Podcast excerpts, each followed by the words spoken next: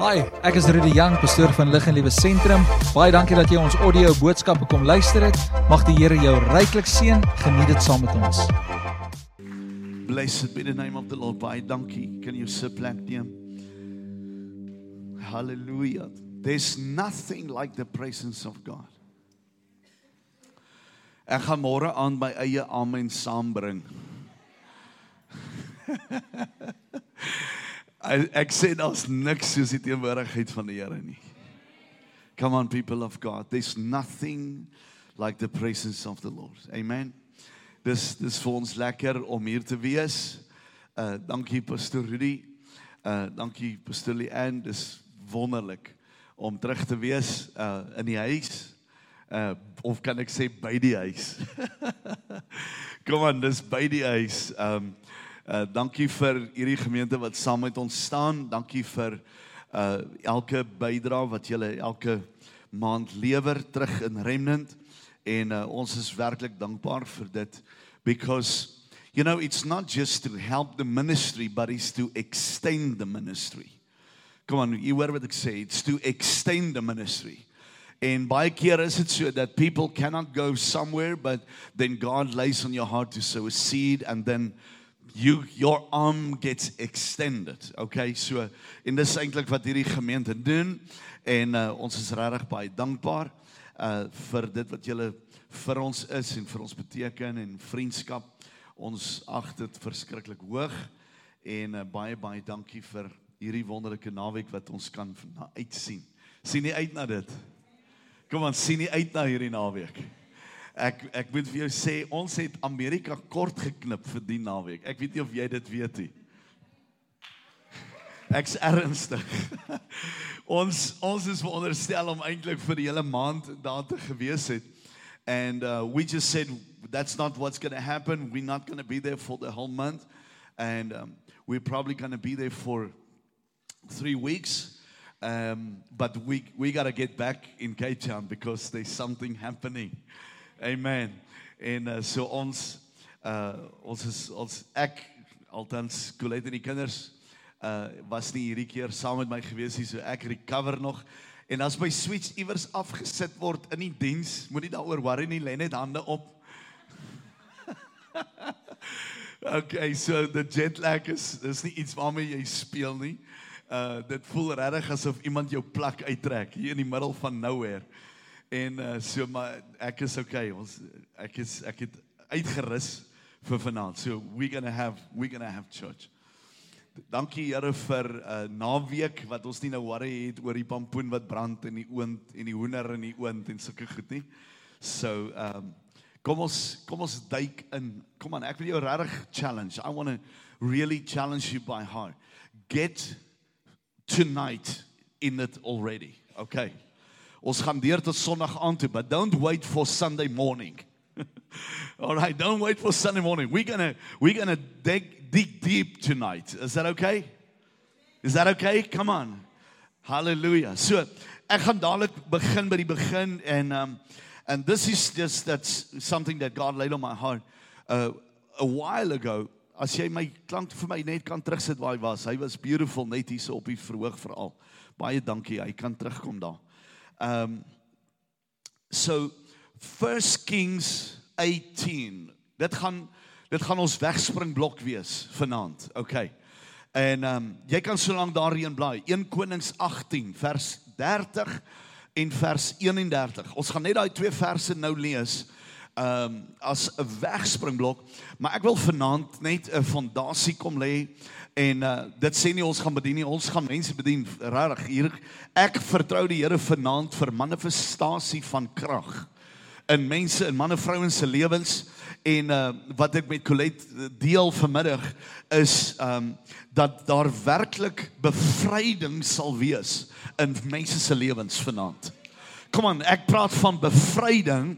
Jy weet wanneer 'n mens sê bevryding, uh um dan skrik 'n paar mense wat dan dink jy nou, jy weet, uh, mense gaan op die grond rondseil en al hierdie goed en let it be. Dis okay as dit gebeur.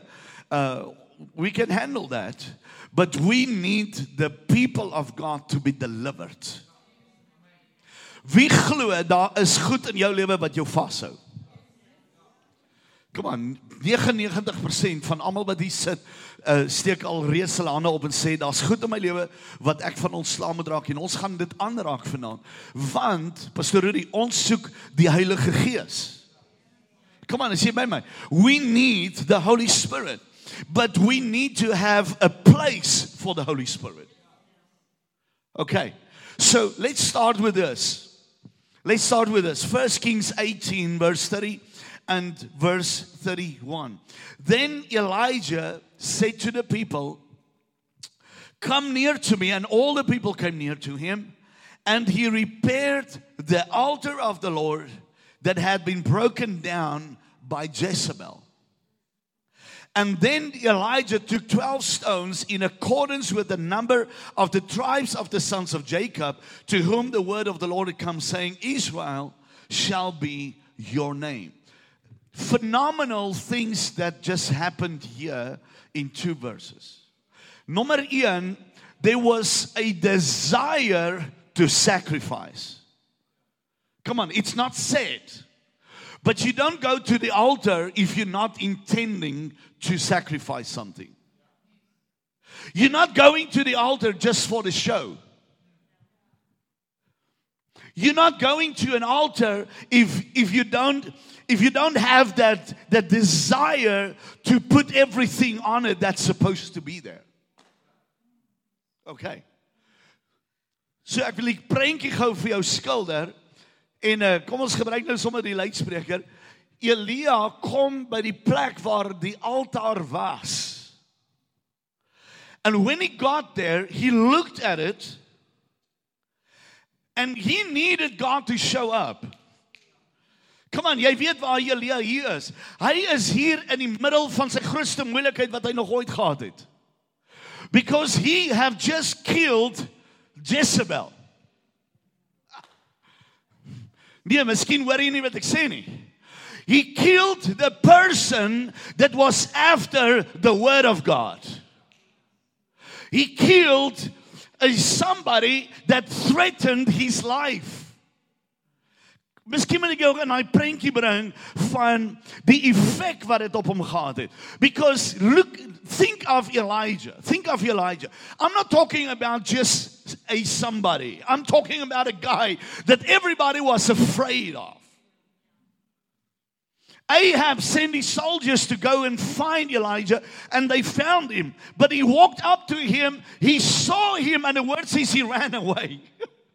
I'm talking about a soldier that was weaponized, and he, man, he had the whole gear. But, but he was so afraid. Ahab said to him when he found him, he says, How did you know it was Elijah? He said, I recognize him by his statue and by his buckle. Let me tell you, Elijah was a mean guy. Elijah was was nie sommer net 'n ou wat jy met die kaal hande aanvat nie, but in his in his stature, okay? In this mighty man of God, he found himself twice in a place where he never thought he will ever be. The number one, he found him in the in in in the in, in the rocks, and God says to him, "Wat is hierdie? Wat soek jy hier?" Dat hy sê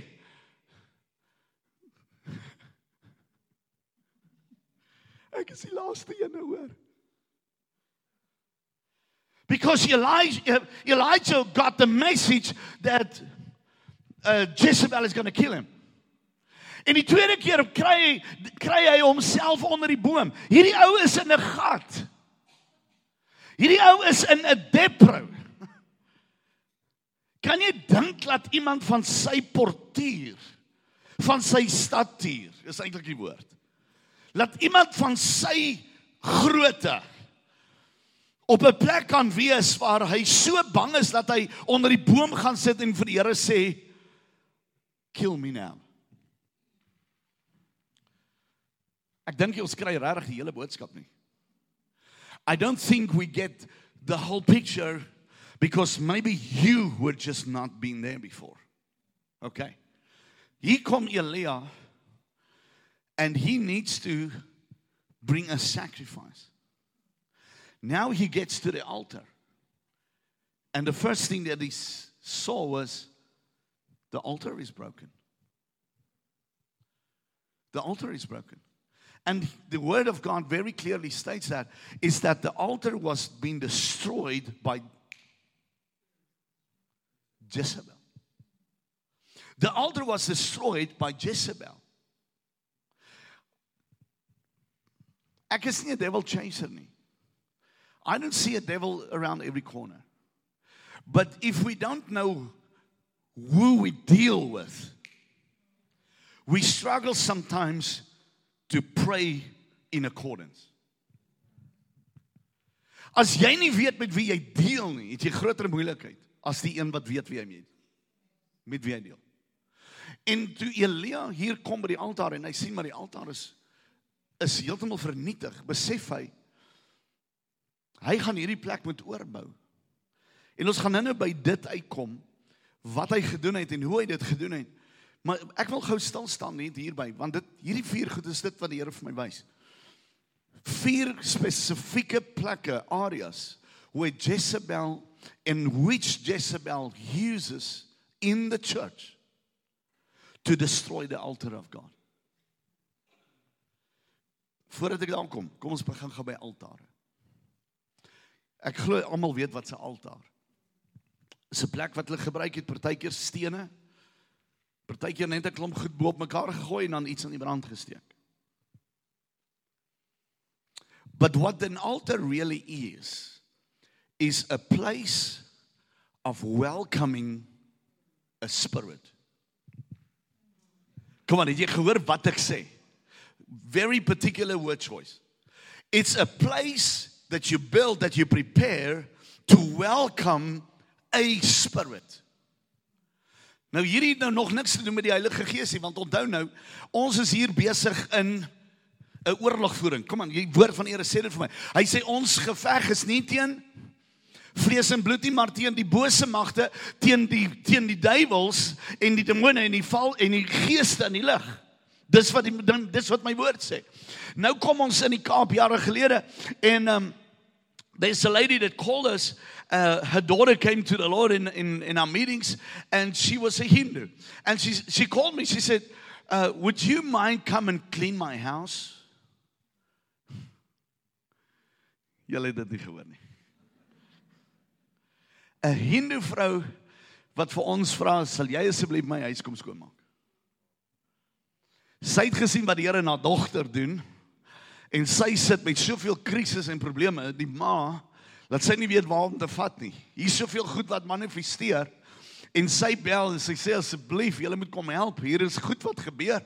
But we we need you to come and clean the house. Ek sê okay. Yeah, we shall do it. Ons ons sal dit doen. Ons kom daar en, en nou gaan sit ons om die tafel. Ek sê, but but first of all you got to understand what's going to happen. Okay? Because as jy dit dalk nou nie geweet het wat vanaand hierdie woord hoor nie, 'n Hindu het 300 miljoen afgode. 300 miljoen afgode. As hy beweeg word hy aanbid. As hy kruip word hy aanbid. As hy ore het word hy aanbid. Dis hoe dit is. En hier kom hier kom hierdie vrou en sy sê we need God or we need your God. In fact, we need your God. Hou in gedagte, dat sy nog nooit haar hart vir die Here gegee het, die vrou nie. Hou dit in gedagte. And we came in, we started declaring, we started praying, we started anointing. En um, hier is beelde reg oor hierdie huis. Ek praat van 30 beelde minimum wat reg oor hierdie huis, binne in die huis op verskillende plekke opgesit is. Maar ons gaan aan. Niemand het iets gesê nie. And what it is that statue became a place which is an invitation to the spirit of that statue. Kom aan, as jy by my vanaand. Daardie beeld word 'n word 'n uitnodiging na die gees wat aan hom verbind is. So here's this ma massive house with all these statues and she sees all these activities, she experiences all these activities. But she knows that this is dark, so she got to get rid of all this. Maar ons sê nie vir haar sê moet dit uit die huis daal nie. Ons bid en ons salf en ons gaan aan. Die tweede dag kry ons 'n oproep.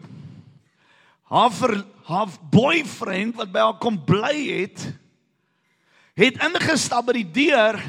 Hy het sy ring afgehaal, dit vir haar gegooi en uitgestap. Sy sê my boyfriend left me. Ek sê well thank God, you know. She didn't think that was funny because that was part of the demons that fled. Come on, church. So, so when it comes to the altar of God and you cleaning the altar, you repair the altar, you cannot just take halfway what is in it. You got to get everything of that. Jy kan nie selektief sê, Here, raak my in hierdie konferensie aan, maar moenie laat my mond aan die gang kom nie. Moet net nie asseblief laat ek laat ek maandag vir my mense by die werk sê wat het met my gebeur nie.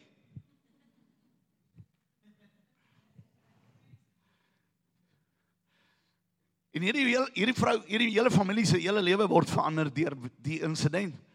Because 2 weeks later I went and picked up the daughter. We got in front of the gate and I peeked through and I said, Misha, what's happening here?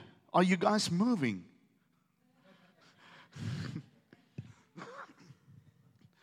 Nee, pastoor. My ma het net al die goed uit die huis uit gehaal. Nou is die goed in die tuin. Nou staan die tuin vol boeddhas en allerlei goed. Man, dit lyk dit lyk verskriklik. 2 weke later tel ons af weer op. En ek kyk weer deur die hek, maar ek sê die trek het nou gegaan. Iemand het die trek kom haal. Ek sê Misha, wat het gebeur? Sy sê pastoor, my ma het van alles ontslaag geraak. Sy sê want die goed is donker en die goed spook by haar en daar is iets wat besig is in die huis. Daar's iets wat swaai in die huis. But you see that is what's happening the moment that you repair the altar. Wanneer die vyand se altaar afgebreek word en God se altaar in jou lewe word herstel, raai wie dag op? Ek kom aan, die die Heilige Gees. Die Heilige Gees because the the altar that you have repaired was the very invitation for the Holy Spirit to come. En hier is Elia in 1 Konings 18. Hy kom by die altaar en hy sien hier is moeilikheid. Ons het nodig om hierdie altaar te herbou en alles reg te maak want hy het 'n manifestasie van die krag van die Heilige Gees nodig. En om die storie nou gou vooruit te loop, vind ek die uiteinde is waar hulle die altaar herbou het en Elia begin bid. En hy begin repent. Kom aan, gaan lees dit. En Elia begin bid namens die volk. Hy begin mense vry te spreek namens die volk. Hy begin goed uit sy hart uit te kry namens die volk. En die volgende oomblik, die woord sê and then the fire of God came. Kom aan, ek wil vanaand vir jou sê, ek wil ek wil glo met my wese dat God gaan vanaand mense se altare herstel en die Heilige Gees gaan kom. En die, ek sê die Heilige Gees gaan kom. Die Heilige Gees gaan goed wakker maak wanneer die wanneer die altaar 'n invite is vir hom. Maar Elia kom daar en hy erken wie het hierdie altaar afgebreek en die woord sê dit which was broken down by Jezebel. Hier's die vier goed wat die Here met my praat. En die Here wys vir my vier goed wat Elie wat wat uh, Jezebel vandag in die kerk doen. OK. Nommer 1 is die gees van vlees. OK. Die die drang na vlees. Ons noem dit lust in Engels. OK. Nommer 2 is depressie. Nommer 3 is discouragement en nommer 4 is vrees. Dis die vier goed wat die vyand vandag gebruik. En hierdie is alles wat onder die vaandel van Jezebel gebeur. Is lust, fear, depression, discouragement. Kom ek gaan gou vinnig daardeur. Dan weet jy as ek dit sê, lust is the very thing that takes you away from your prayer life. Depression is the very thing that takes you away from the presence of God. Kom aan, ek weet nie wie van jou was al ooit in depressie nie, maar as jy depressie in onder depressie was of depressie het of gehad het, sal jy weet kerk toe gaan is die laaste ding wat jy wil doen. Discouragement is seker een van die grootste tools wat die vyand gebruik vandag in die kerk is to discourage somebody in such a way that he will never come back to the presence of God. En dan nommer 4 vrees. 4. Ek wil vanaand saam met mense bid voor ons by hierdie deure uitstap. Vir mense wat vasgevang is in vrees, mense wat vasgevang is in depressie, discouragement, and lust. Because the moment that you're going to be set free of those four things, dan maak jy die invitation vir die Heilige Gees gereed. Kom aan kerk om te kom sodat die vuur van die Heilige Gees kom aan kan begin beweeg in my lewe. Want daardie vier goed is die presiese redes hoekom die Heilige Gees nie in jou lewe opdaag nie. Dis die presiese vier redes hoekom die Heilige Gees nie kom wanneer jy vra nie. Because those four things hinders the Holy Spirit because it destroys the altar of God. Wie sê saam met my Here herstel my altaar? Kom aan. Here herstel my altaar. As jy enigiets met daardie vier goed te doen het, steek jou hand net nog nie lig, sluit jou oë. Kom aan, sluit dit jou oë. Ons gaan net nou vir mense bid, maar nou wil ek net hê jy moet net jou hande op, opsteek. As jy enigiets met daai vier goed te doen het, met lust, depression, fear and discouragement, as jy met enige iets van daai vier insit met jou lewe, dan wil ek jy steek jou hand op, sluit jou oë en sê jy Here, maak my vanaand vry van hierdie goed want ek gaan vanaand hier uitstap met 'n altaar wat herbou is, wat wat sterk gemaak is en ek gaan sien hoe die vuur van die Gees weer opdaag in my lewe. Ek gaan sien hoe die vuur van die Heilige Gees weer in my lewe opdaag in die naam van Jesus. Iemand sê saam met my amen as jy kan. Hier kom Elia en die woord van die Here sê in vers 31 And then Elijah took 12 stones in accordance of the number of the tribes of the sons of Jacob, in whom the word of the Lord saying, Israel shall be your name. Vers 31 wat ek gelees het. En hier kom die eerste steen. Hier's die hier's die opdrag wat God gee. Hy sê dit is hoe julle die altaar gaan herbou. Julle gaan 12 stene van. Julle gaan die name van die stam op daardie steen skryf en julle gaan dit bring na die plek toe waar die altaar gebou word en ons gaan die altaar opbou. Kom die eerste seun. Eerste seun is Ruben.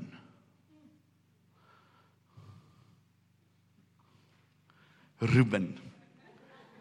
Ek sien almal kyk vir Ruben.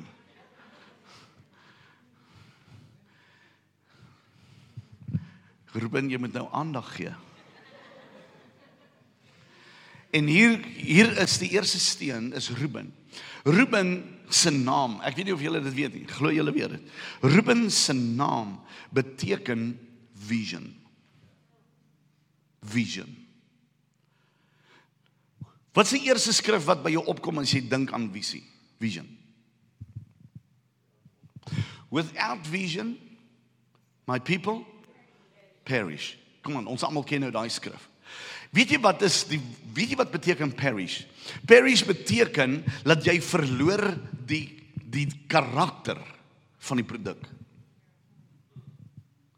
As jy 'n rekkie vat en jy sit hom buitekant in die son, kom aan, jy weet wat met hom gebeur. 2 dae later as jy hom trek aan breek en sulke stukkies.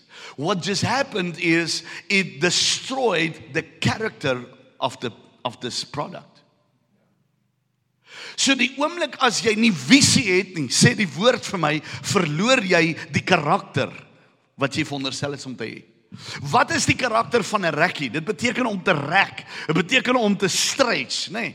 Dit beteken dat ek by 'n plek kom waar die Here my wil hê. Nou kom hierdie woord en hy sê dis die eerste steen wat geherlê moet word om die altaar van God daar te kry. En dit is hierdie seuns uh, se naam Ruben wat beteken visie, wat beteken dat ons moet die karakter van God terugkry. Kom aan, in jou lewe.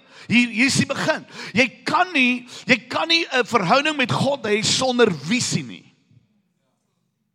En nou praat ek nie van jou natuurlike sig nie want die woord sê we not walk by by sight but we walk by faith. So die oomblik as ek sê visie dan praat ek van dit wat God wil hê jy moet begin sien.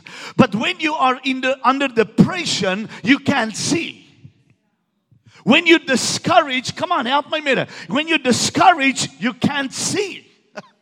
Eh, Jeremia loop in die eerste hoofstuk van hoofstuk van eh, hoofstuk 1 vers 1 tot 1 tot 10 is is Jeremia in hierdie verskriklike depressiewe plek. He cannot see, he cannot prophesy, he cannot do nothing. And when God said to him, prophesy, he says, I'm not going to prophesy.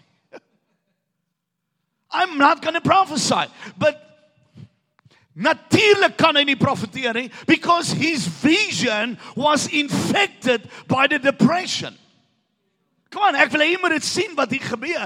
Ek wil hê jy moet die ek wil hê jy moet die aanslag wat die vyand teen jou geloods het, wil ek jy moet identifiseer vanaand because that is where the key of your breakthrough is going to be. En hier kom Jeremia en hy sê vir die Here maar ek kan nie profeteer nie.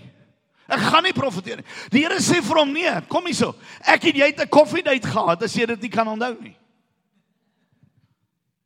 Hy sê voordat jy in die moederskoot was, before you've been in the womb of your mother, I have anointed you for this.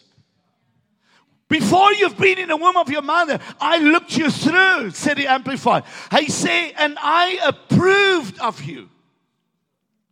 In other words, hy het hom beet gehad, hy het hom gekyk en gesê heerlikheid jy's okay. Jy jy is gereed vir dit waarvoor ek jou geroep het. En daar was Jeremia. And after God dealt with his depression. In vers 11 sê die woord, and then the word of the Lord came to me again saying, Jeremiah What do you see now? Die oomblik wanneer die depressie gelig het, toe kan hy sien. And I say I see a, a shoot of an almond tree and it's blossoming in late winter. Hierdie ou begin sommer goed te sê. Kom aan, hy begin goed te profeteer. Hy begin gesigte te sien en onmiddellik is daar 'n aanskakel binne in sy gees. Ek wil hê jy moet dit sien hoe dit inpas. En hier begin Jeremia se hele bediening begin net daar die oomblik toe hy sien wat God wil hê hy moet begin sien. Kom aan. Ek meen die Here praat met Moses. Die Here praat met Moses en die Here uh wel voordat die Here met hom praat, sê die woord hy het in die veld geloop en hy het na hierdie skape en die beeste en die goed gekyk van sy skoonpa. He was busy with complete something different than what God called him for. But as he was there, the word says this. He steek die steek God die bos in die brand. And the moment when he saw it, Moses het nie dadelik omgedraai nie. Die woord sê and when the when Moses saw the bush burning he walked on. Maar 'n paar tree verder sê die woord die volgende. But as he walked he perceived that the bush was burning. Met ander woorde iets het hier ge, ge, iets geweldigs gebeur want uh, Moses het gesien Maar hy het nie geregistreer nie. As ek dit nou in plain Afrikaans kan sê. In Engels sal ek sê he saw but he didn't see. En eers toe hy die woord sê when he perceived the bush was burning, he turned aside to go and look.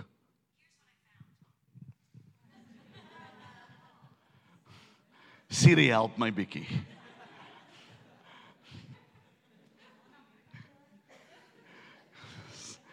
Sy chip altyd in. Nie jy nie, liefie.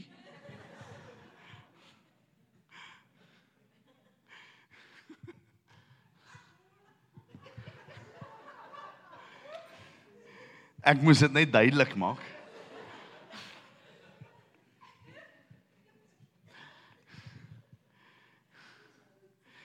But God made Moses see what he needed him to see. En luister gemooi. Die stem van die Here, luister. Die stem van die Here sou nie kon gehoor word as Moses nie gesien het nie. Dis hier by my vanaand. Hy kon nie hy kon nie die stem, hy kon nie by die stem van die Here kom as hy nie eers gesien het nie sy lewe gaan aan. Ek meen hy's hy's deur hierdie hele farao verhaal. En nou kom hy by 'n plek wat hulle uit Egipte uit hardloop. Hulle kom by 'n dead end en hier staan hy reg voor hierdie doodloopstraat en hy skree vir Here en hy sê Here, ons is by 'n doodloopstraat en al wat die Here vir hom sê is go forward. And it's kind of like Lord, what part of my problem don't you not understand?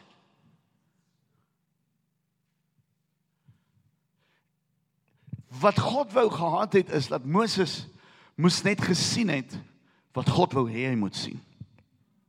En die Here sê vir hom sit jou sit jou voet in die water en strek jou staf uit oor die water en die oomblik toe hy dit doen sê die sê die woord het die see oopgemaak. Né? Nee? het die see oopgemaak en het hy op droë grond letterlik soos die woord dit beskryf het hy op droë grond uitgestap so vision is such a powerful stone when it comes to the altar of God jy kan nie die altaar van God in jou lewe gerestoreer kry as jy nie jou visie aangeraak het nie kom aan jy kan nie vanaand in hierdie plek sit en jou verhouding met God aangaan as jy as jy nie kan sien nie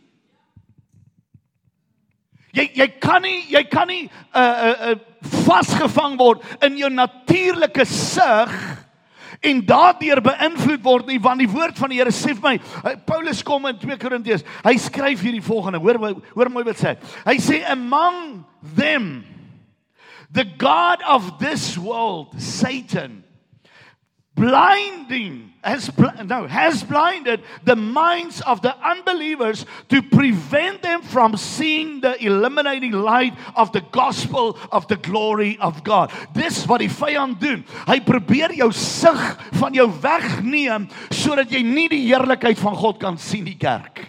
Wat gebeur as jy nie die heerlikheid van God sien nie? Jy op bid, jy op kerk toe gaan. Kom aan, jy op weg gaan van jy jy stap weg uit jou verhouding van die Here.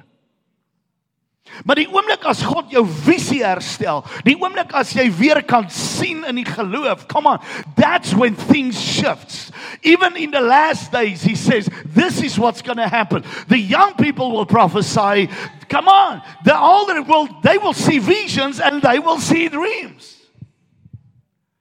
Met ander woorde, daardie fase in God se se teenwoordigheid by die altaar is kardinaal because it's in the presence of God where God starts showing you things. It's at the altar of God where your eyes are fixed is where God starts showing you the mercies and the glory.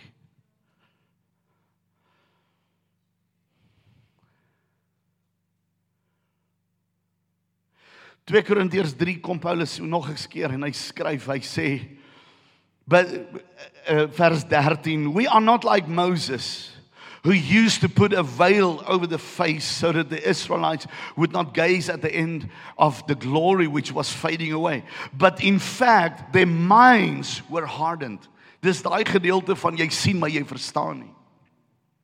Their minds were hardened for they had lost the ability to understand. Wow. Kerk van die Here luister gou. Die eerste steen wat ons hier moet hanteer.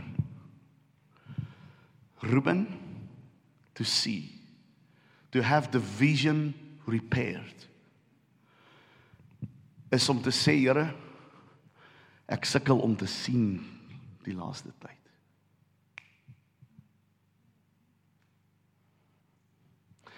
Want alles wat Jezebel mee gekom het in jou lewe verhoed dat jy mee sien. Toe Jesaja in hoofstuk 61 profeteer. Toe sê hy die volgende, hy sê the spirit of the Lord God is upon me. En dan gee hy 'n klomp goed van wat hy moet gaan doen, maar een van die eerste goed wat hy sê is to make the blind see.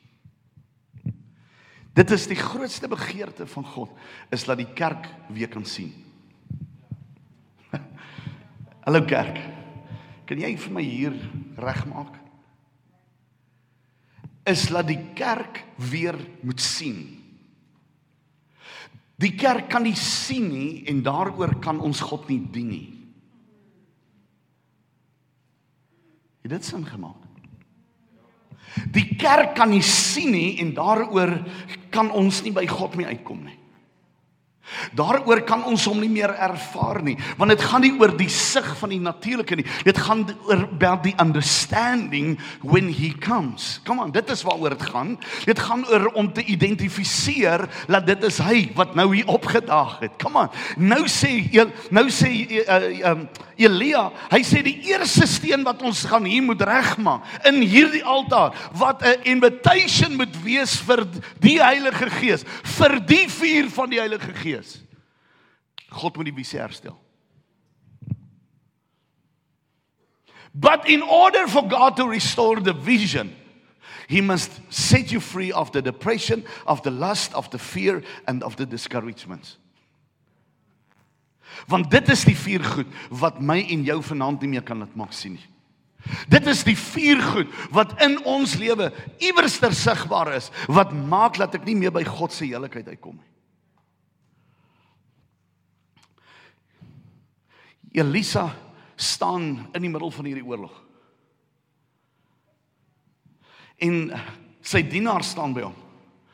En sy dienaar, die woord sê hy is verwonderd. Hy staan en rondkyk rondom hom. En die volgende sien Elisa natuurlik die vrees op hierdie ou se gesig. Hy sê van wat's fout? Hy sê we are outnumbered. Elisa sê nee. Nee, jy jy kyk verkeerd. Hy sê nee, kyk hierso. Hy sê hulle wat hulle wat by hulle is is baie meer as hulle wat by ons is. Elisa sê nee, kom hierso. Wat doen hy? Hy lê sy hand op sy oë en hy bid en hy sê, Lord, open his eyes.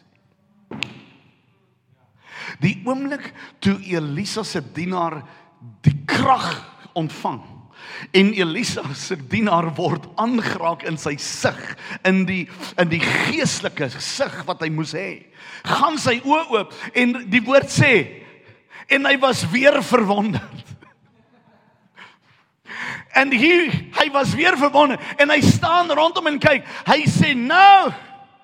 Hy sê look at all the chariots and the horses and the fire. Jy sien, hulle het nie die vuur gesien toe die oë gesluit was nie, maar die oomblik toe God sy sig herstel, come on, kerk, toe begin hy die vuur van God te identifiseer. Toe begin hy die die beweging van die Heilige Gees, begin hy dit raak te sien. En hier kom hy en hy maak 'n uitlating en hy sê, "They who are with us are more, come on, than they who are with them." Dit is wat God doen die oomblik as hy jou sig herstel. Hy bring jou in perspektief van jou eie situasie reg nou. Come on, het jy gehoor? Hy maak dat jy alles in perspektief kry en in daardie oomblik wat hy jou sig oopmaak, dan verstaan jy waar jy is, waar jy was en waarheen jy gaan. Kom aan kerk. Ons het 'n kerk nodig wat sê Here, maak my oë oop vanaand. Come on, Here, ek wil die altaar maak. Ek wil die altaar herbou, but you have to make me see again.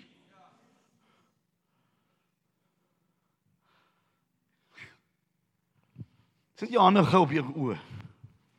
Kom aan, kom ons vertrou die Here.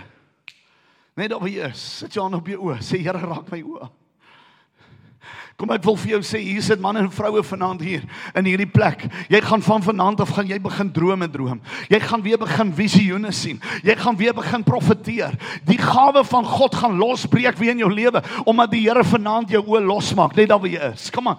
In die naam van Jesus, Here, elke hand op elke oog. Bid ek nou laat dit nie net 'n gees, 'n natuurlike sal wees nie. Here, maar laat daar 'n geestelike deurbraak kom. 'n Geestelike sig voor mense se oë vanaand sal afspeel wat hulle sal kan sien in die gees in die naam van die Here. Kom aan, gee die Here prys net daar is. Sê Here, dankie dat U my gesig vanaand herstel.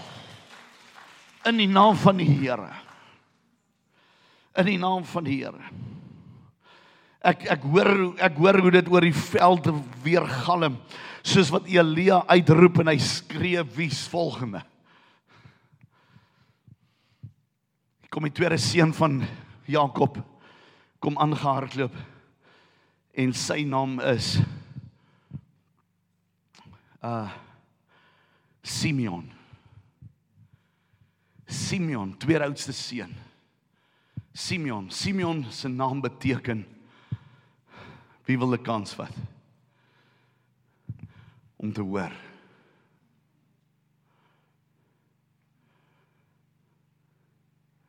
Ek het nie eens nodig om later verder te preek nie. Want jy sien klaar wat die Here doen. Enige plek waar ons kom, Bybelskool, profeteskool, profetiese konferensies, maak nie saak waar jy instap nie. Die grootste begeerte van enige kind van God is nie om gesond te word nie. Is om die stem van die Heilige Gees te hoor. Kan iemand daarmee sê? Dis jou grootste begeerte in jou hele lewe want jou lewe verander as jy God hoor. Samuel se lewe het verander toe hy God se stem hoor. Hy was nooit weer dieselfde nie. Hy was nooit weer dieselfde nie. Hier is Simeon Hier is Simeon, die tweede seun van Jakob, word sy steen gelê as deel van die fondasie.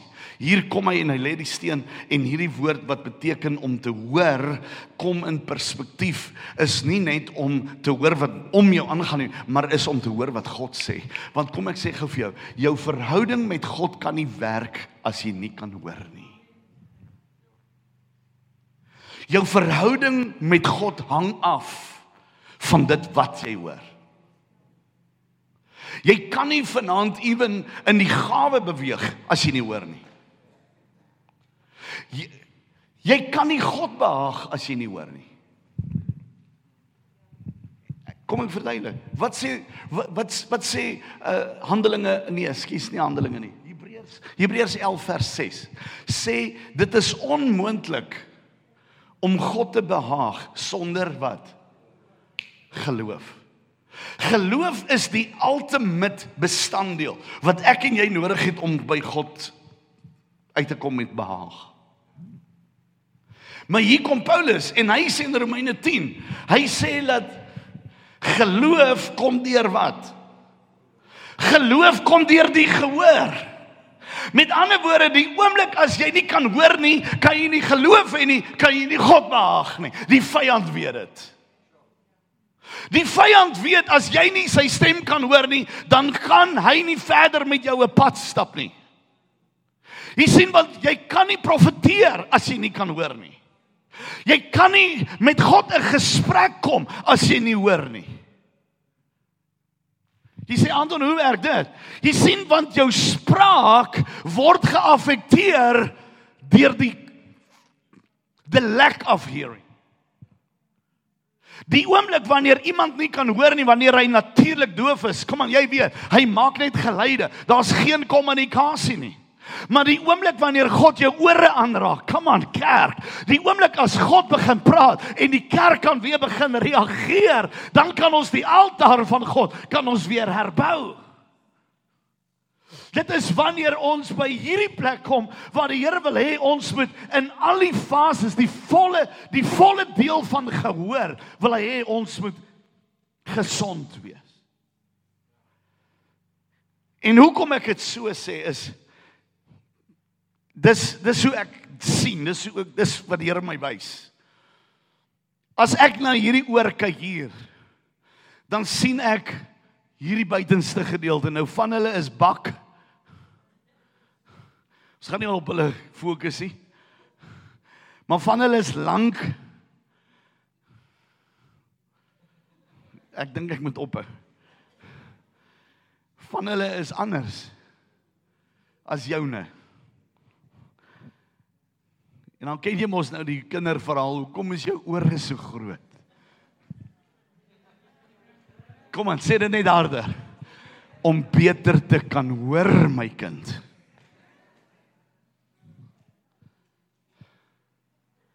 Dis presies wat dit is.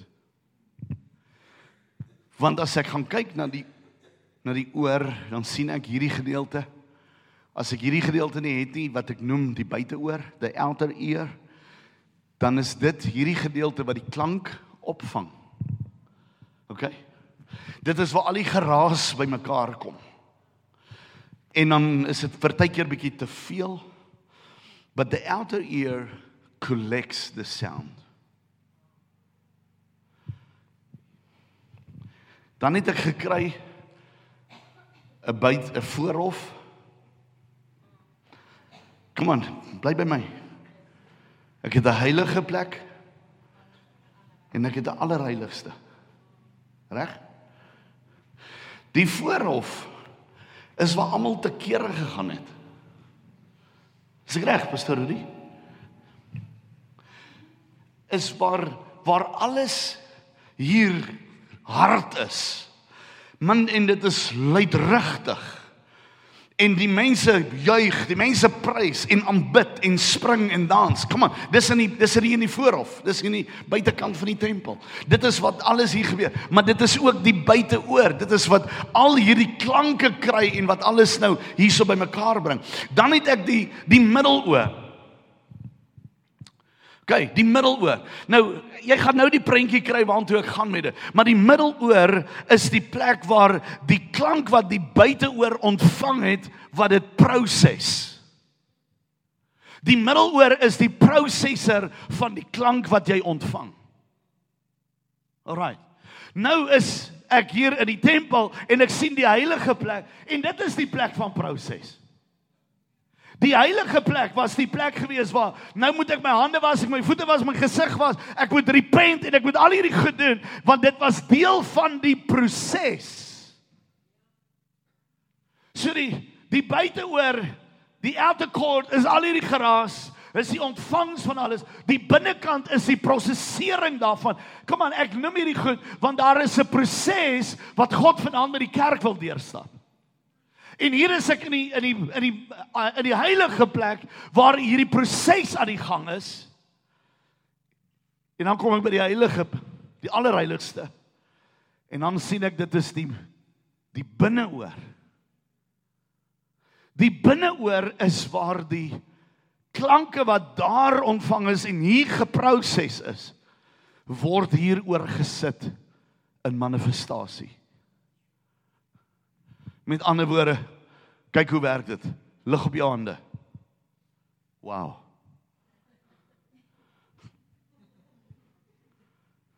Wat het nou net gebeur? Hy dit wat hy ontvang het, het hy geproses en die proses het vir sy brein gesê steek op jou hande. Hier's die kerk. Ons ontvang al hierdie klanke Maar ons probleem het gekom met die prosesering. Kom aan, iemand moet my help hierso. Dit het gekom by die prosesering want ek is nie by 'n plek waar ek my skoon kan was nie. Ek is nie by 'n plek wat ek kan uh repent nie. Ek is nie by die plek waar ek hierdie proses moet deurgaan nie. Ek is nie daar nie. Want jy sien Jezebel het daardie goed in my lewe gelaat gebeur en dit het my verhoed dat ek ontslaak kan raak van al hierdie goed. En nou kom ek by die manifestasie waar die klank wat ek nou ontvang het geproses het en met manifesteer en my hande in die lug opkry. Nou gaan my hande nie in die lug nie. En die Heilige Gees kom ook nie. Want hierdie plek is afwesig. Sodat daar nie 'n manifestasie kan kom van die Heilige Gees nie. Dis alwaar ek agter is. Ek weet nie van jou nie. Is die manifestasie van sy teenwoordigheid. Ek onthou ek het gelê in die Florida nog voordat ons teruggekom het. Onthou ek ek het in my bidkamer in my kantoor gelê agter op die mat een oggend moedeloos en ek sê Here just tell me if you're going to show up for church this morning. Because if you're not going I ain't going either. Dan bly ek net waar ek is.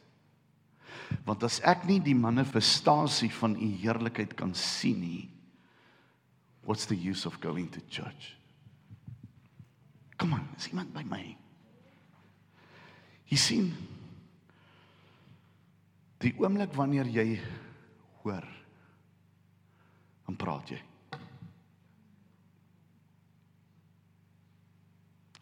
Die oomblik wanneer jou gehoor aangeraak is, is dieselfde oomblik wanneer God die repentance en al die goed in jou lewe herstel wat 'n daaglikse proses is.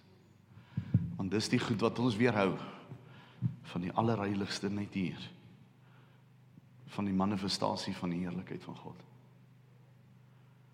Daaroor kom Elia in 1 Konings 18. Rebuild die altaar. En toe hy klaar die altaar herbou het, toe sê hy, "Oké, okay, bring nie water." Onthou, bring nie water, gooi alles nat. Ons maak dit moeilik vir die Here. Sien reg wat gebeur het nie. It was part of his sacrifice. Dit was droogte. Dit was die hoogste vorm van currency. In daardie oomblik was water. Niks anders nie.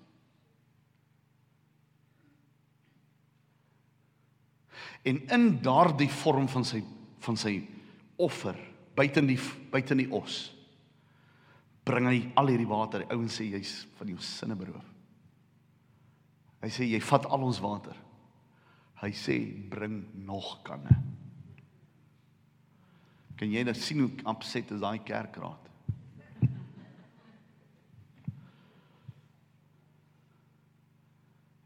En Elia begin bid en hy sê I repent. En hy begin sy hart voor God skoonmaak. Want hy nodig dat God moet kom. Hy het nodig dat daar 'n manifestasie van sy heerlikheid moet wees. En so die kerk. Ek het geen ander intensie as om net te sien hoe God kan werk nie. Dis al hoekom ek hier is. Dis al hoekom ek hierdie uitnodiging aanvaar het. Is sodat ons kan sien wie die Here gaan verander. En hoe. But we got to get back to the basics. We got to get to a place where God can step in and at least have an invitation. Kom aan, jy weet nou waarvan ek praat. As ek sê as ek jou vra soek ons die Heilige Gees, dan sê almal vanaand ek soek die Heilige Gees. Stem jy saam? Ek vat jou terug na die Hindoe vrou. Wil jy jou huis skoon hê? Natuurlik wil ek my huis skoon hê. Maar ek het nie gedink dis wat God gaan doen nie. Ek het nie gedink ek gaan goed moet verloor in die proses nie.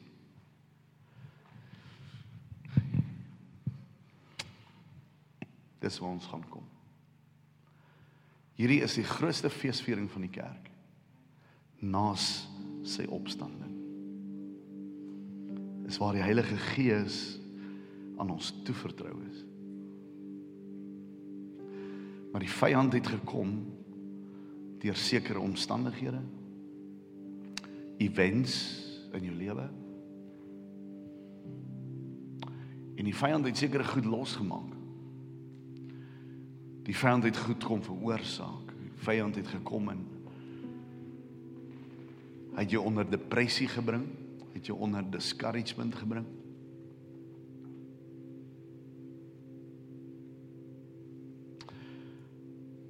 In some cases he brought you under that lust from the flesh. And in some areas and some people he brought you under a spirit of fear. Hy sê pas dit vrees. Ja. As jy nie weet of gesien het hoe die mensdom onder vrees reageer in 2020 Maart maand nie.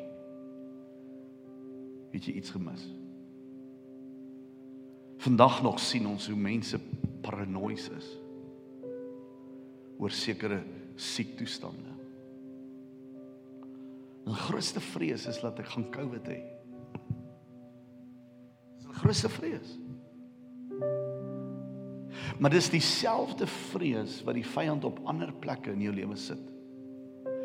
Wat jy so ongelooflik vreesagtig is dat jy's bang om weer in 'n verhouding in te gaan. Jy is bang dat jou kinders weer ander families moet besoek. Kom aan kerk. Jy het 'n vrees. Jy het 'n vrees om net 'n offer aan die Here te bring finansiëel. Want dit is wat die vyand gedoen het. Hy het seker goed in jou lewe gebring. Kom aan manne, ek gaan net met jou praat. Waar jy so inadequate voel in hierdie uur waarin ons is. Laat jy nie goed genoeg voel om jou kinders se pa te wees nie. Jy jy voel nie goed genoeg eers om jou vrou se man genoem te word nie, want dit voel asof jy nie kan bybring wat jy veronderstel is om by te bring nie. Pastoor, hoeveel keer was daar in my en jou lewe wat jy voel waarom is ek besig? En dat dit voel vir jou as man van God, Pastoor Henry, dat jy wil net alles opgee. Hoeveel keer het jy bedank, pastoor? En elke keer het die brief teruggekom. Return to sender. Ja. Van dis waar ons kom by 'n plek van discouragement. Ek moet vir jou sê daar was tye in hierdie afgelope 6 maande want ek in en uitgestap het by plekke dan sê ek ag Here wat Ek het dit eintlik so gesê nie. Ek het die hel woord gebruik. Wat ek net sê regtig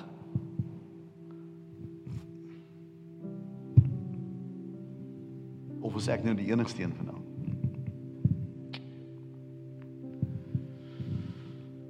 Hoeveel pille gebruik jy elke week?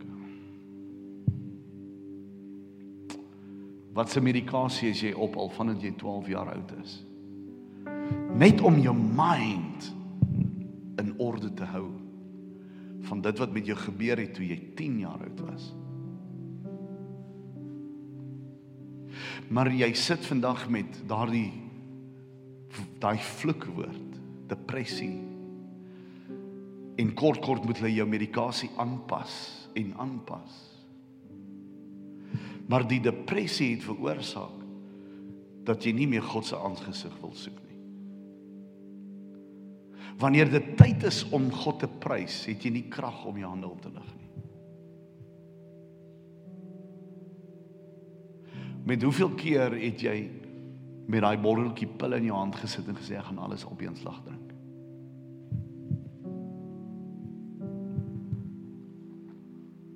Bestuur ons praat nie oor hierdie goed in die kerk. Want die kerk is 'n heilige plek. Dis waar ek 'n masker moet op hê. En dit is waar ek 'n plek moet wees waar ander mense nie mag weet deur wat se gemors ek gaan nie. Kom aan, ons weet hoe dit werk. As jy daar instap, sit jy jou goeie gesig hier op.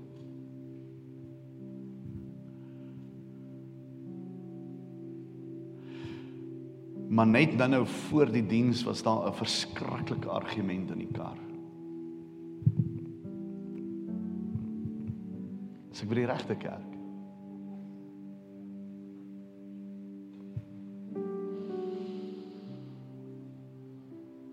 Hoekom wil ek dan 'n altaar hê?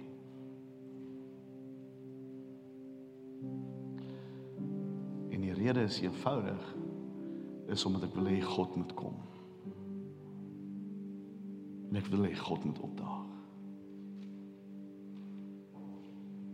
Ek sal nooit vergeet Miskien het ek dit iewers genoem. Het ek hierdie kantoor in my huis gehad en wat die Here een oggend vir my sê, maak die kantoor skoon. By Kate daar af is. En daarna wat die Here sê is maak dit jou bidkamer. Ek het dit gedoen. Tweede huis het ons nie privaat plek gehad nie. En ek het in die sitkamer twee stoele gevat. Ek het daar geroep en gesê, hier's ons hier's ons plek. We designate this as an altar before God. Dan gaan sit ek net op die bank oorkant hierdie stoel, dan staan niks. Maar as ek op die stoel gaan sit wat ek gesê dis die plek waar ek God ontmoet. Dan kom die heerlikheid van die Here. Al ons rond beweeg en al die goed is moeilik kom nie by 'n plek wat jy dan moet jy maar vat wat jy kry. Nou besef ek in die woonstel waar ons is, is daar sulke lekker groot vet kussings. As ek daai kussing op kniel.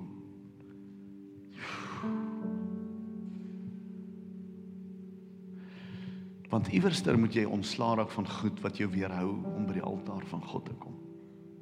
Dis die grootste missie. En ek wil hê jy moet vanaand jou hart oopmaak dat God iets doen. As die begin en die weg die wegspringblok van die naweek. Is waar jy kan sê kom ons maak ons altaar reg. Ek gaan wegstap van daai vier goed af in my lewe. Maar gaan toelaat dat God twee goed herstel. My visie en my gehoor. Dat ek kan sien en laat ek God se stem kan hoor. Sluit jou oë.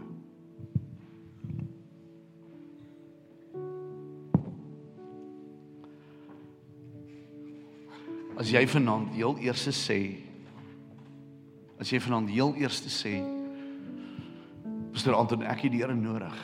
Daai vier goed. Jy het nie nodig om vir my te kom sê waarmee jy sukkel nie. Tensy jy by daai plek is wat jy van dit ontslaa wil raak en vir my sê dit is die probleem. Maar as jy onder daardie druk van daai vier goed sit wat die Here met my praat oor vanaand, vrees, lust, depression, discouragement. As jy met enige een van daai vier goed in jou lewe sit, dan wil ek jou vra, neem die vrymoedigheid as jy ernstig is om jou altaar vir God te herstel is om hier reg voor by my te kom staan. Want ek gaan saam met jou bid en ek gaan die Here vertrou dat hy jou vry maak. I've seen it before and I will see it again.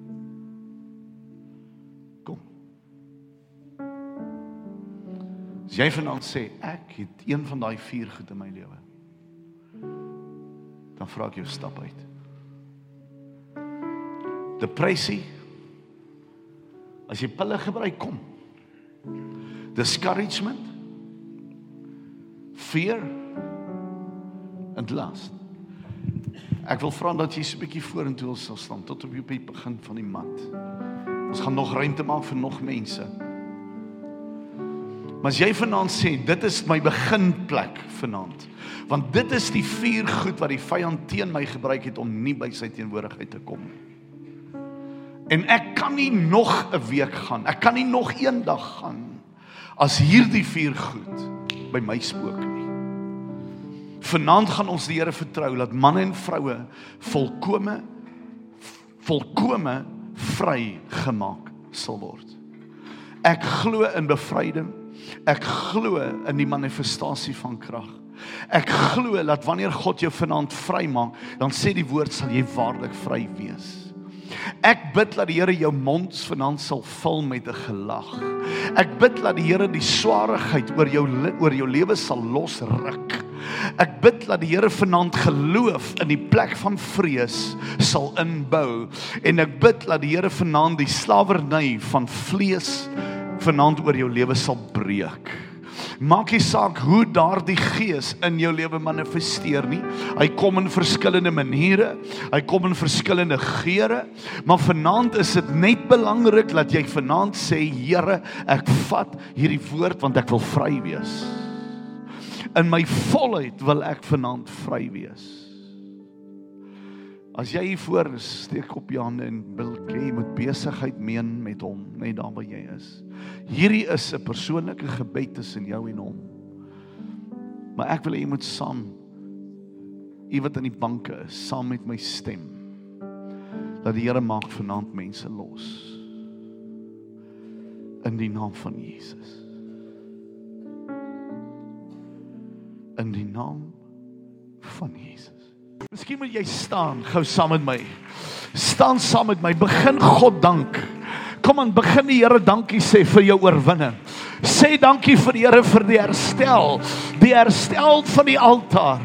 Kom aan, die herstel van die altaar sê Heilige Gees kom vanaand. Heilige Gees kom. Ek roep u Gees vanaand. Kom aan sê dit saam met my. Ek roep u Heilige Gees. Ek nooi u na my huis. Ek nooi u in my lewe. Ek nooi u na my altaar en ek sê u dankie vanaand dat u in elke area van my lewe 'n fondasie vanaand kom lê sodat ek die Heilige Gees in my lewe sigbaar sal hê.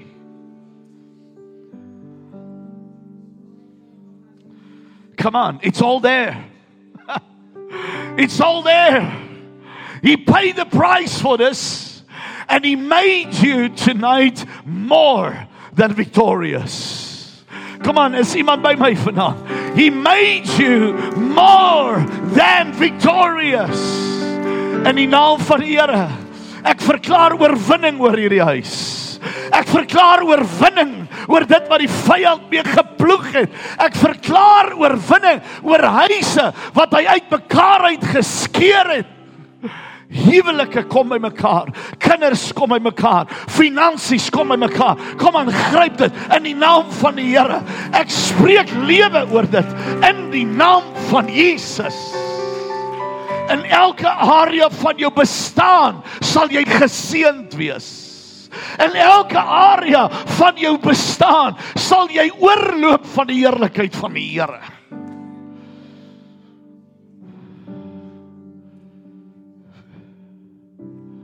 Korabasiki takalebien. Ek dank U Here vir 'n deurbraak vanaand in man en vroue se lewens. Ek bid Vader dat U 'n begeerte in elke man en vrou en elke kind se se wese nou inbou is om U te soek. Is om U te soek. Is om U te soek in elke dag van hulle lewe. Laat daardie altaar nooit leeg sal wees nie. In die naam van Jesus in die naam van Jesus.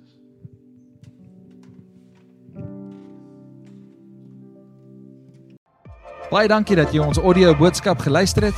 Mag die Here jou ryklik seën. Besoek gerus ons webwerf by www.liginlewe.com.